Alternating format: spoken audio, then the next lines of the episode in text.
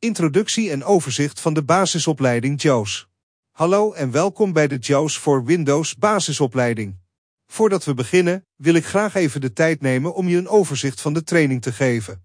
Je begint nu aan een reis om te leren hoe je je computer kunt gebruiken met JAWS. We beginnen deze reis helemaal aan het begin, met de basisprincipes.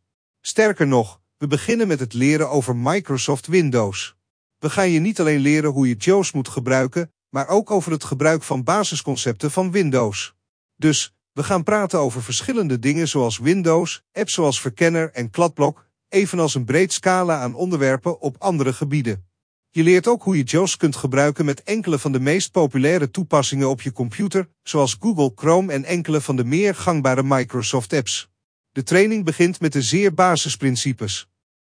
We zullen praten over de basisprincipes van JAWS, hoe je JAWS kunt configureren als je een laptop of desktopcomputer gebruikt. En dan zullen we praten over hoe je door menus en dialoogvensters kunt navigeren en hoe je enkele van de meest basale instellingen in JAWS kunt wijzigen voor jouw comfort. Gedurende het hele proces zullen we praten over het gebruik van basisleescommando's. We zullen kijken naar hoe je tekst kunt lezen, hoe je tekst kunt bewerken en hoe je tekst met de computer kunt typen. We zullen ook kijken naar hoe je bestanden kunt maken, opslaan en beheren. We zullen praten over enkele basismanieren om hulp te krijgen in JAWS en vervolgens beginnen met het bekijken van hoe je JAWS op het internet kunt gebruiken.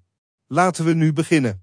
We kijken er naar uit om je mee te nemen op deze reis en om JAWS te leren gebruiken.